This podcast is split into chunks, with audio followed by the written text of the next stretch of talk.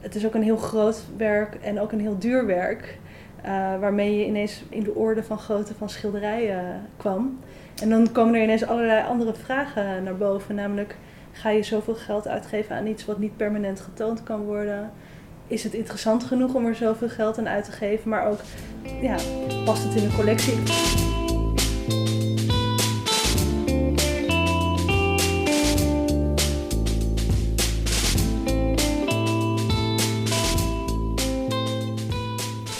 En welkom bij een nieuwe aflevering van Kunsthoop. In deze aflevering spreek ik met Fleur Roos Rosa de Cavallo, conservator prenten en tekeningen van het Van Gogh Museum. De opname voor deze aflevering hebben we al enkele maanden geleden gemaakt en in de tussentijd is er veel gebeurd. Het Van Gogh Museum heeft namelijk begin dit jaar een grote pastel van de Franse kunstenaar Degas gekocht, waarover daarna een heel debat is ontstaan in de pers. Dit debat gaat over Degas mannelijke weergave van vrouwelijke lichamen en het tonen van naakt in het museum in het algemeen. Maar ook over in hoeverre je als museum maatschappelijke stellingen moet nemen en je als centrum van debat en discussie moet willen profileren. Het toeval wil dat het gesprek dat ik met Fleur voerde voor deze aankoop gaat over een ander, eerder aangekocht naakt van Degas, een monotype in zwart en wit. Nu had je dit onderwerp wellicht heel anders en meer actueel ingestoken, maar het gesprek gaat over zoveel meer dan dat. Over de mythische status die zo'n monotype kan hebben, over de grenzen tussen prenten en schilderijen, nu en in het verleden, en over de rijke collectie werken op papier van het Van Gogh in het algemeen. Daarom wil ik deze aflevering, hoewel enigszins gedateerd, toch nog aan jullie laten horen. Fleur, je hebt aangegeven dat je wilde praten over de monotype lezen na het pad van Degas. Deze monotype is, nou ja, uh, heel grijs, vrij ruw en uh, toch vrij grove techniek uh, lijkt te zijn gebruikt. En afgebeeld is een vrouw die naakt aan het lezen is op wat ik denk dat een bank is. Mm Laten we even beginnen over wat we op die afbeelding zien. Wa waarom is dit zo'n bijzonder beeld? Nou, wat het bijzonder maakt, onder meer, zeker als je het vergelijkt met de andere werken van Degas, is dat het vrij obscuur is, inderdaad. Dus je ziet niet goed wat het voorstelt. Ehm, dat heeft meteen te maken met de techniek. Want ja, ik zeg altijd monotypie, maar ik ga nu hmm. even wat twijfelen. Zullen we het even opzoeken in de vandalen? Voordat we straks. Dat zou ik monotype? Ja, monotype. Ja, misschien, misschien heb jij wel gelijk. Nou, dat weet ik niet hoor. Jij bent hier ja. de kenner. Moet ik even kijken? Ja, doe maar even. Ja. Ik heb hier eerder een gesprek over gehad laatst. En toen dacht ik, oh, we hebben het al die tijd fout gedaan. Dat besef ik me ineens. En omdat jij het nu anders zegt dan ik, ga ik er weer over twijfelen. Ik zou type zeggen, ja. Je hebt gelijk. Denk monotype? Ja, monotype. Nou ja, voor de luisteraars die weten waar precies over gaat, die kunnen altijd uh, reageren. monotype bij deze. Zeggen we gewoon, klaar. Goed. Het is namelijk een monotype. En dat is een vrij uh, bijzonder soort prent. Eigenlijk is het een tekening op een plaat. Degas werkte vanuit het zwart. Dus hij smeerde de hele plaat in met inkt. En ging toen niet met een penseel werken of met een etsnaald, maar hij ging met zijn vingers en zijn penseel eigenlijk op een hele tactiele manier licht scheppen in het donker. Want, want hoe ehm, wordt zo'n prent of een druk gemaakt? Wat is de techniek hierachter? Ja, een monotype is eigenlijk een tekening op de pers. Dus het zit heel mooi tussen allemaal technieken in. Ja, een prent wordt uh, gekenmerkt doordat het gedrukt is. Nou, een monotype is ook gedrukt. Maar uh, hij is niet in een veelvoud gedrukt. Uh, het is een uniek werk eigenlijk en dat brengt hem dichter bij de tekening. Omdat hij dus met zijn ehm, hand zo zelf... Ja, wat DK deed is hij pakte dus een, een etsplaat uh, of een andere plaat en hij, hij inkte die in dit geval helemaal in met zwarte vette inkt. Die bleef best lang nat, dus daar kon hij dan eigenlijk een paar uur in werken. En uh, ja, eigenlijk ging je daar dan licht in scheppen door met de achterkant van een penseel, met zijn vingertoppen zelfs, zitten ook allemaal vingerafdrukken in. Maar ook met stukjes stof daar een tekening in weg te halen. Dus de lichte delen zijn eigenlijk getekend en niet de zwarte lijnen. Dus dat resulteert in een heel ambigu, mysterieus beeld waar je als je goed kijkt inderdaad een vrouw op een bank uh, ziet lezen. En als je goed kijkt, zie je ehm, uh, naast het venster, waar een soort stof voor is en wat de ruimte een beetje mooi omvloers licht geeft, uh, zie je de, de, de, reflecterende rand van een bad. En dat verklaart de titel Het lezen na het bad. Is het een titel die Degas zelf heeft, het werk heeft toegedicht? Of is het iets wat, wat later zo ja, dat kan je je afvragen. Feit is dat deze werken eigenlijk nooit tentoongesteld werden tijdens Degas eigen leven. Hij hield die werken voor zichzelf. Dat komt omdat ze vrij obscuur zijn en ook vrij erotisch, zeker voor die tijd. Het waren werken die hij maakte als persoonlijke experimenten en die hij alleen maar deelde met zijn meest naaste vrienden en andere kunstenaars. Dus het lijkt me eigenlijk onwaarschijnlijk dat die titel door Degas zelf is gegeven. Misschien is hij bij de veiling gegeven, dat zou ik even moeten checken. Maar op zich dekt hij de lading vrij goed. Ja. dus ik, ik heb er nog geen problemen mee eigenlijk. Dus laten we hem gewoon zo blijven noemen. Zo blijven noemen, ja. De afbeelding is dus op zichzelf al vrij bijzonder. Maar ik neem aan dat je het hierover wilde hebben omdat er nog wel een uitgebreider verhaal achter zit. Of een bijzonder onderzoek. Ja, wij zijn in de gelukkige omstandigheid dat we best veel kunnen aankopen. In de meeste collecties ben je als papierconservator één van de vele conservatoren. Denk bijvoorbeeld aan het Rijks, waar er misschien wel 30, 40, 50 conservatoren zijn. Wij zijn met z'n drieën. Dus dat maakt dat er meer ruimte is om te bewegen. Dus ik koop eigenlijk best veel aan. Wat heel leuk is. En meestal vind ik dat ook niet heel ingewikkeld. Want prenten zijn meestal ook niet zo duur. Ja, ik heb goed in mijn hoofd waarom, waarom ze erbij zouden passen vaak. Dus het verhaal is vaak niet zo lastig om te verantwoorden. Maar ik vond dit wel een uh, pittige, omdat A, is het wel een prent? Nou, maakt niet uit, want ik doe in principe ook tekeningen, dus dat is het probleem niet. Maar het is ook een heel groot werk en ook een heel duur werk. Uh, waarmee je ineens in de orde van grootte van schilderijen kwam. En dan komen er ineens allerlei andere vragen naar boven. Namelijk, ga je zoveel geld uitgeven aan iets wat niet permanent getoond kan worden? Is het interessant genoeg om er zoveel geld aan uit te geven? Maar ook, ja, past het in de collectie? Ik vond het in die zin een hele spannende aankoop. Ja, omdat je jezelf heel goed moet bevragen. En een heel goed verhaal moet hebben waarom dit toch een aanwinst is voor de collectie Nederland. Want daar, daar redeneren we altijd vanuit. Dus het moet voor het museum een aanvulling zijn, maar het moet ook op, ja, op nationaal niveau iets toevoegen. Dus ik vond het zelf in die zin een van de spannendste aankopen, omdat je ja, toch heel stevig in je schoenen moet staan. En waarom is het belangrijk voor de collectie Nederland? En jullie ehm, museum? Ik vind zelf Degas een van de meest vernieuwende prentmakers van zijn generatie. Hij hield nooit op met experimenteren. Hoe meer je erin duikt, hoe fascinerender het wordt. In zijn oeuvre vloeit hij van het ene medium naar het andere. Alles wordt onderzocht, niks staat vast. Iedereen heeft beelden bij Degas. Balletmeisjes, pastel. Uh, vrij zacht werk op een bepaalde manier, denk vrij zacht werk, hoewel ik denk dat je, als je beter kijkt, dat je daar ook andere dingen in kan ontdekken. Maar ehm, ik vind het mooi uh, als je bij, in de prentkunst gebeurt dat vaker bij kunstenaars, dat er een meer duistere, experimentele, spannende kant uh, van een kunstenaar naar voren komt in zijn prentkunst. En dat vind ik hier ook het geval, dus daarom wilde ik deze graag verwerven. Ze hebben ook een soort mythische status hoor, binnen het oeuvre van Degas. Waarom? Er zijn er niet heel veel van. Mhm. De meeste bevinden zich in uh, gerenommeerde collecties. Ze zijn zeldzaam en ook geheimzinnig. Dus je ziet dat er, dat er toch ook met een soort spanning over wordt geschreven. Laten we wel wat verder de prentcollectie van het, uh, van het Van Gogh uh, induiken. Want jullie hebben een aanzienlijke collectie en ook een waar inderdaad veel aandacht voor is. En in de introductie van de publicatie, die verscheen bij de tentoonstelling Prentkunst in Parijs, de rage van het Vienne Siècle, haal jij een citaat aan: Niemand besteedt nog aandacht aan iets anders dan prenten. Het is een rage. De jonge generatie maakt niets anders meer. Waarom werkt? Waarom, waarom waren prenten de rage van het Vienne Siècle? Ja, dat, is, dat kan je niet 1, 2, 3 beantwoorden. maar in de loop van de 19e eeuw um, verandert er natuurlijk heel veel in de samenleving. Maar je ziet eigenlijk en dat vind ik zo leuk aan de 19e eeuw, dat in heel veel aspecten de basis van onze huidige tijd wordt gelegd. En een van die wortels die ontspruit is de beeldcultuur. Uh, dus aan het eind van de 19e eeuw uh, heeft de drukkunst allerlei uh, innovaties doorgemaakt. En overal om, om je heen is eigenlijk al beeld.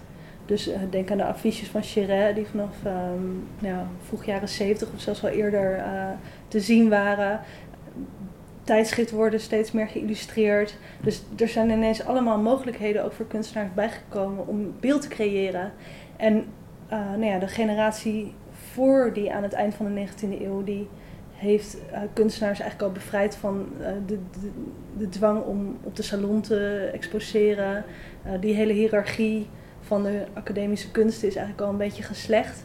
En dan komt er een nieuwe generatie in en die wil eigenlijk de hiërarchie tussen hoog en laag naar beneden halen. Dus ineens is het ja, um, goed als een kunstenaar niet alleen schilderijen maakt, maar ook tekeningen en prenten, maar ook servies, meubels, decoreert. Alles wordt ineens een oppervlak waar een kunstenaar iets mee kan doen.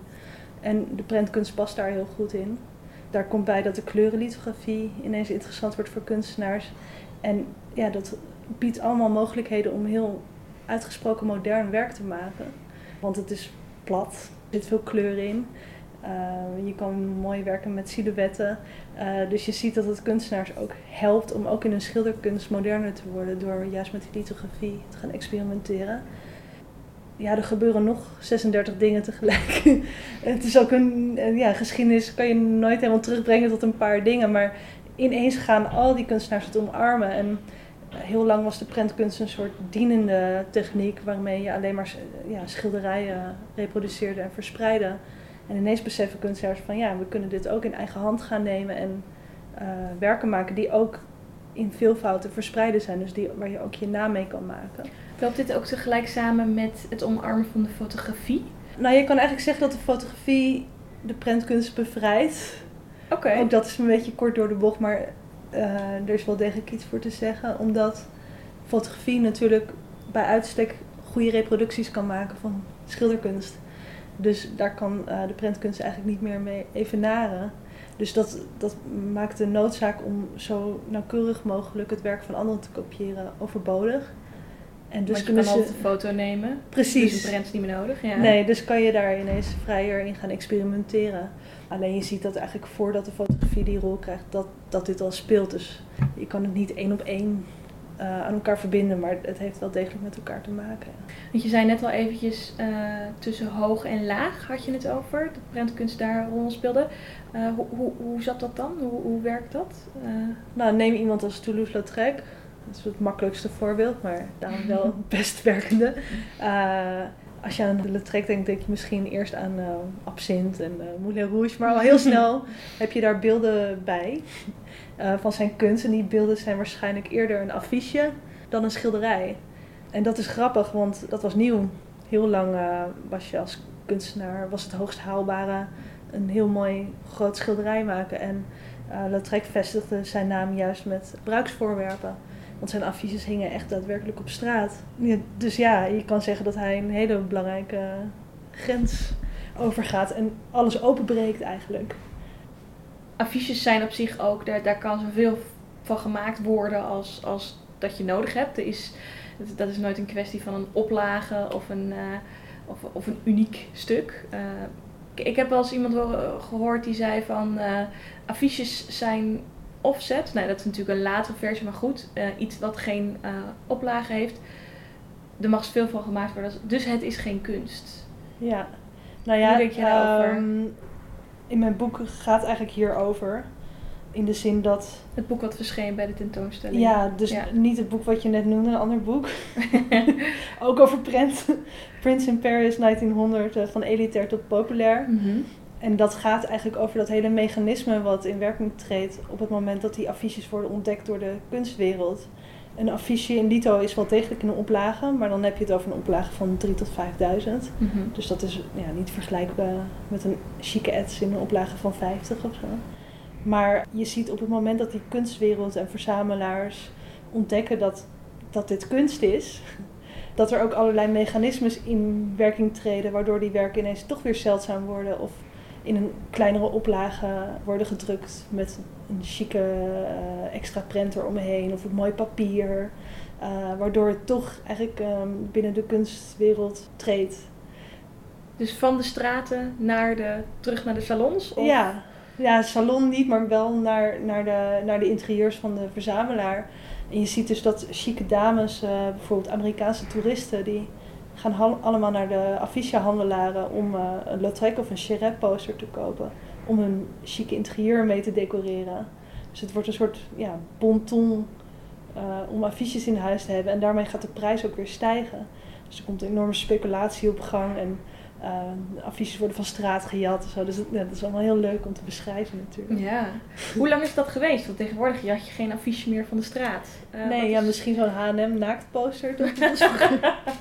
ja. Maar nou ja, nog steeds zie je eigenlijk dat sommige affiches als extra mooi worden gezien. En ook Zeker, worden verzameld door uh, bepaalde instellingen en door verzamelaars. Maar um, het hoogtepunt van de affichekunst loopt ongeveer tot 19... Ja, dat loopt eigenlijk wel door. Ik denk dat deze generatie houdt gewoon op met vernieuwen. Want op een gegeven moment gebeurt alles weer in de schilderkunst. Dat is rond 1905. En dan krijg je natuurlijk de Fauves en Picasso. Mhm. En dan gaat alle opwinding eigenlijk weer daarin zitten. Terug naar schilderen. Uh, ja. Maar ook mensen als Picasso en Matisse maakten natuurlijk prenten. En um, het is natuurlijk nooit meer echt opgehouden. Ja. Nee, die toegepaste kunst en, en grafische vormgeving, dat bleef dan na die periode wel geïntegreerd in de kunstproductie. Dus. Ja, zeker. Alleen het, ja, het gaat met horten en stoten. Uh, en dit is gewoon een ongekende bloeiperiode. En daarna komt er, ja, gaat het toch, verschuift het toch weer. Maar even zit alle opwinding hier en dat is heel leuk.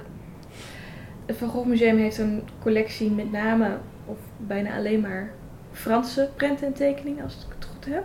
Klopt. Bijna 2000 stuks. Ja. Is dat ongeveer de, op de correcte cijfers? Of, uh... Ja, kijk, we hebben tienduizenden stukken op papier. Maar als je het hebt over deze specifieke deelcollectie, dus van Franse Van de Siècle grafiek, Mhm. die dus loopt van 1890 tot 1905, dan is dat ongeveer het aantal. Ja. Waarom is het Van Gogh dit precies gaan verzamelen? Hoe past het binnen, binnen het museum en de collectie? Nou, dat is een grap, vind ik een grappig verhaal, omdat het ook aantoont dat er ook altijd een bepaalde mate van toeval en zelfs misschien willekeur aan de grondslag ligt. Uh, want uh, lange tijd, het Van Gogh Museum is ook niet zo oud. Het is sinds de jaren 70, dus we zijn eigenlijk een relatief babytje in de museumwereld. Mm -hmm. En we begonnen natuurlijk met de enorme collectie van Goghs en uh, een verzameling werken van de broers zelf. Maar daaromheen zat nog niks. Dus op het moment dat er een aankopenbeleid moest worden geformuleerd, begon je eigenlijk met weinig. En op het gebied van prenten moest er vanaf nul worden begonnen. We hadden een, paar, enkele tientallen prenten van de broers van Gogh zelf. En verder ja, een paar aangeweide stukken. En dan moet je dan een beleid mee verzinnen. Dus ik weet dat ze eerst zijn begonnen met thema's, dus kunstenaarsportretten en het landschap van Parijs.